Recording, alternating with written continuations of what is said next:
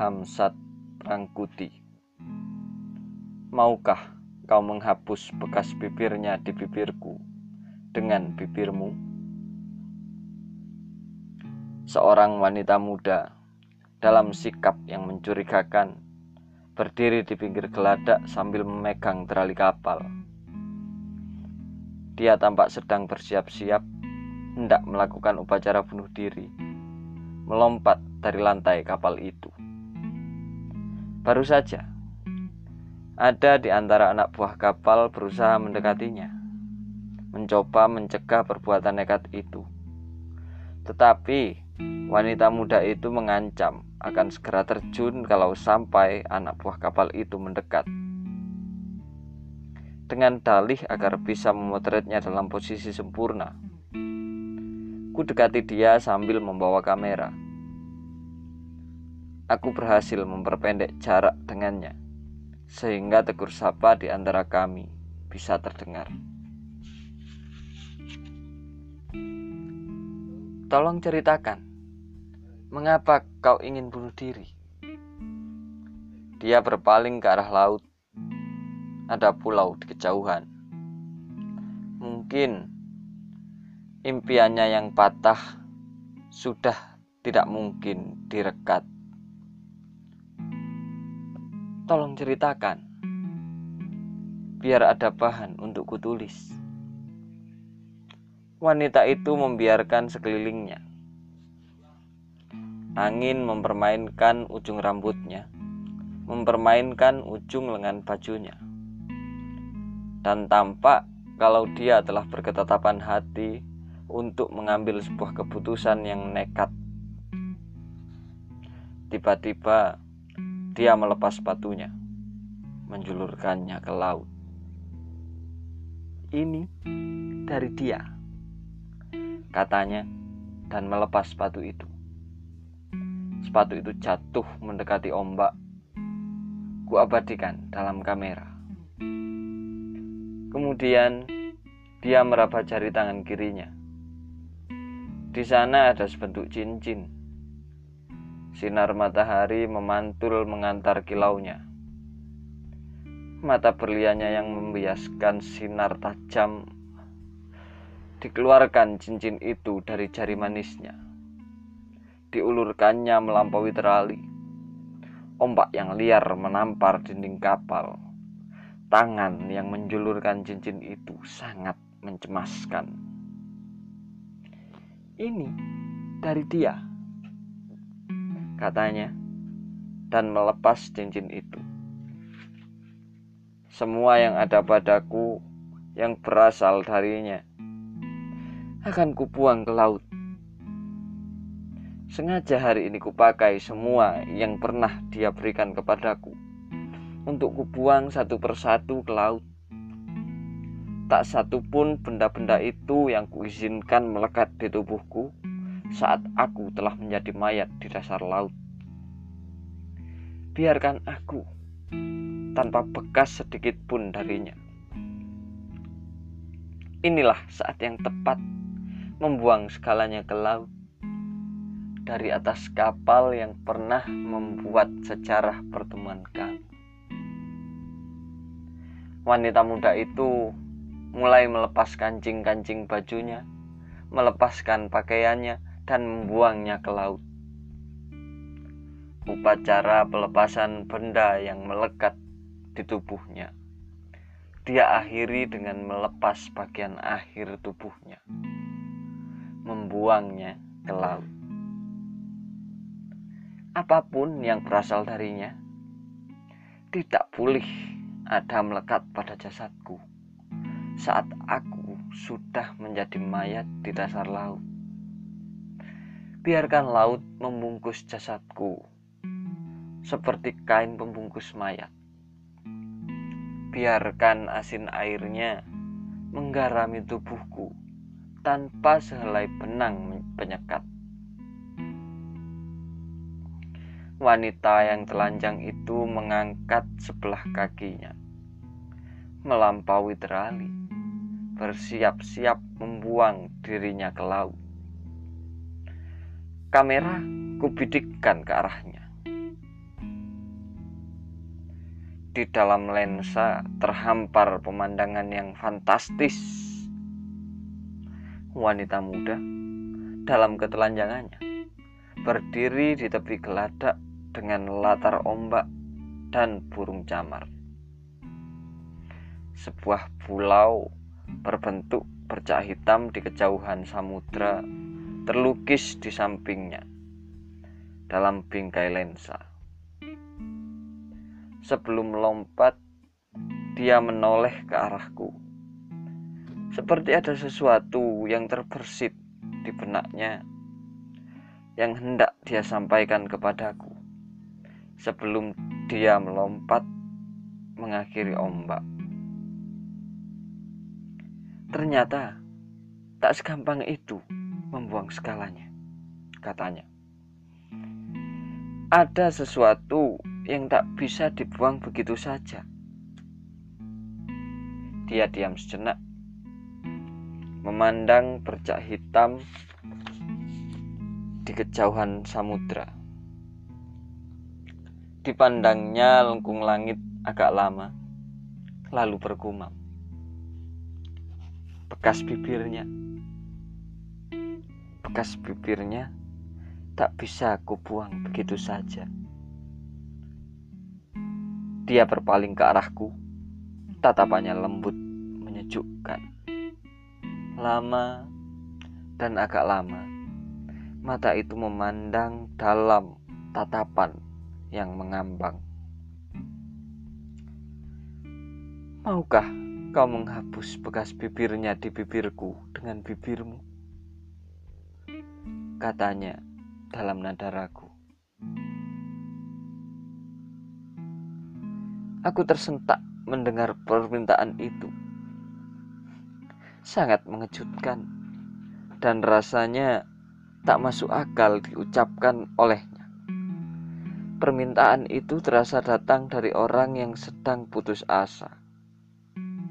Kucermati wajahnya dalam lensa kamera yang mendekat. Pemulas bibir berwarna merah tembaga dengan sentuhan warna emas memoles bibirnya, menyiratkan gaya aksi untuk kecantikan seulas bibir. Tidak akan aku biarkan bekas itu terbawa ke dasar laut.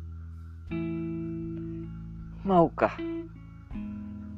Maukah kau menghapus bekas bibirnya di bibirku dengan bibirmu? Tolonglah tolonglah aku melenyapkan segalanya. Orang-orang yang terpaku di pintu lantai geladak berteriak kepadaku. Lakukan! Lakukan! Seseorang muncul di pintu lantai geladak membawa selimut terurai, siap menutup tubuh wanita yang telanjang itu tolonglah, tolonglah aku menghapus segalanya. Jangan biarkan bekas itu tetap melekat di bibirku dalam kematian di dasar laut. Tolonglah, lakukan, lakukan. Teriak orang-orang yang menyaksikan dari pintu geladak. Aku hampiri wanita itu. Orang yang membawa selimut itu berlari ke arah kami, menyelimuti kami dengan kain yang terurai itu. Di dalam selimut, ku cari daun telinga wanita itu. Masih adakah bekas darinya di bagian lain tubuhmu yang harus kuhapus dengan bibirku? bisikku. Saya Cen-Cen, Pak. Kata wanita itu memperkenalkan dirinya begitu aku selesai menyampaikan cerpen lisan itu dan berada kembali di antara penonton. Saya menggemari cerpen-cerpen Bapak. Saya mahasiswi Fakultas Sastra semester 7 Saya senang sekali bisa bertemu dengan Bapak pengarang dari cerpen-cerpen yang telah banyak saya baca. Terima kasih. Namamu Cen Cen? Tidak. Itu bukan nama seorang Minang. Bagaimana kelanjutan cerpen lisan itu? Kau. Kau yang harus melanjutkannya. Kalian. Para pendengarnya. Sejak itu kami akrab. Aku seperti muda kembali. Berdua ke mana-mana di dalam kampus kayu tanam maupun ke Danau Singkarak, Desa Belimbing, Batu Sangkar, Bukit Tinggi, lembah harau, tebek patah, kota gadang, danau maninjau, ngalau indah, lubang Jepang, ngarai siano, lembah anai, dan istana pagaruyung. Besok adalah hari terakhir aku di kayu tanam. Aku harus kembali ke kehidupan rutin di Jakarta Perpisahan itu kami habiskan di kawasan wisata di luar kota Padang Panjang. Sebuah kawasan semacam taman berisi rumah gadang dari berbagai daerah di Minangkabau. Kawasan itu bersebelahan dengan lokasi pusat dokumentasi dan informasi kebudayaan Minangkabau Tempat itu sejuk diliputi kabut, terkenal sebagai kota hujan. Sebentar-sebentar kabut tebal melintas menutup kawasan itu. Kami mencari tempat kosong di salah satu bangunan berbentuk payung dengan meja bulat dan kursi sender melingkar. yang disediakan untuk para pengunjung duduk-duduk memandang sungai kecil berbatu yang terhampar di, di bawah dan memandang puncak gunung Merapi. Kami berkeliling mencari tempat kosong, tetapi semua bangunan-bangunan kecil itu telah dihuni pasangan-pasangan remaja. Mereka duduk memandang lembah dan lereng gunung yang terus-menerus diselimuti kabut yang datang seperti asap hutan terbakar. Kami akhirnya duduk di hamparan rumput berbukit di antara rumah gadang pajangan dalam ukuran yang sebenarnya. Selama lima hari, siang dan malam, kita tak pernah berpisah. Malam kita duduk berdekatan di warung-warung membiarkan kopi dingin sambil kita berpandangan. Aku mendengar proses kreatifmu, sedang kau mendengarkan riwayat dan asal-usul tempat-tempat yang akan kita kunjungi besok pagi. Kita tidak menghiraukan mata-mata yang memandang kita kita biarkan percakapan-percakapan mereka tentang kita. Tanganku kau pegang, dan aku merebahkan kepala di bahumu dalam udara dingin kayu tanam. Semua itu akan menjadi kenangan. Besok kau akan pulang, dan aku akan kembali ke kampus. Kita pergi ke Lubang Jepang masuk ke dalam kegelapan gua. Berdua kita di dalam tanpa seorang pengunjung pun mengawasi kita. Aku berbisik, seolah kita masuk ke dalam kamar pengantin dan kau meminta lampu dipadamkan. Kita duduk di puncak pendakian di lembah harau. Kita duduk berdua memandang ke bawah mengikuti arah air terjun. Lembah kita lihat dari ketinggian dan tempat itu sangat sunyi. Kita biarkan kera-kera mendekat dan kita tak merasa terganggu. Kita biarkan pedagang kelapa muda itu meletakkan sebutir kelapa dengan dua penyedot di lubang tempurungnya. Kita tidak hiraukan dia turun meninggalkan kita dan membiarkan kita berdua menikmati kelapa muda yang kau pesan. Kita benar-benar berdua di tempat sunyi itu. Kita menyedot air kelapa muda itu dengan dua alat sedotan dari lubang tempurung yang sama.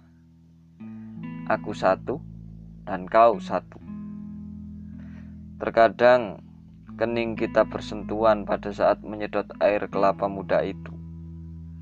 Kita pun lupa mana milikku dan mana milikmu. Pada saat kita mengulang menyedot air kelapa muda,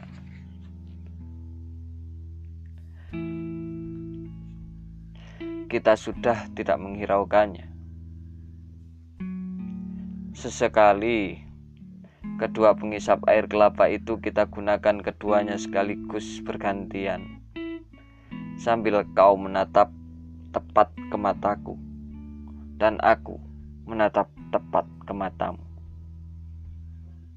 Aku yakin hal itu kita lakukan semacam isyarat yang tak berani kita ucapkan. Kelapa itu kita belah Kau sebelah dan aku sebelah. Alangkah indahnya semua itu. Kenangan itu akan kubawa pulang. Maukah kau menghapus bekas bibirnya di bibirku dengan bibirmu? Aku mendekat kepadanya kabut tebal datang kepada kami. Begitu tebal kabut itu, seolah kami terbungkus dalam selimut yang basah. Tak tampak sesuatu pun dalam jarak 2 meter. Kelambu kabut itu menutup kami dari pandangan dunia. Kami berguling-guling di atas rumput dalam kepompong kabut. Masih adakah bekas yang lain di bagian tubuhmu yang harus kuhapus dengan bagian tubuhku? Bisikku. Dia menggeliat di dalam kabut. Dicarinya telingaku. Tak ada. Tak ada bekas yang lain yang perlu dihapus, sayang bisiknya. Serpihan kabut menyapu wajah kami bagaikan serbuk embun dipercikkan.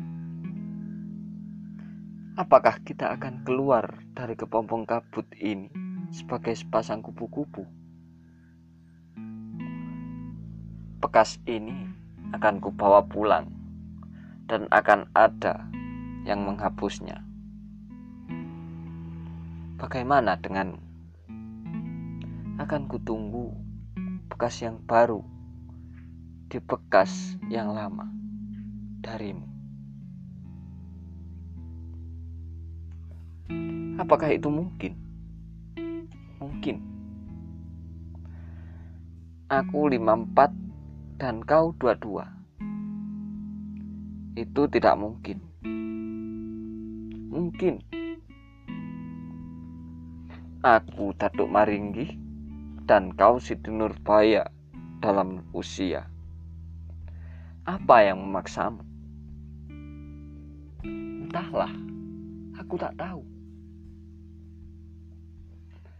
kami turun dari puncak bukit itu berpegangan tangan.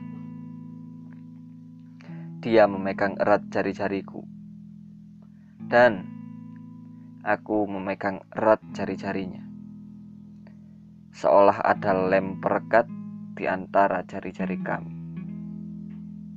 Kayu tanam 1997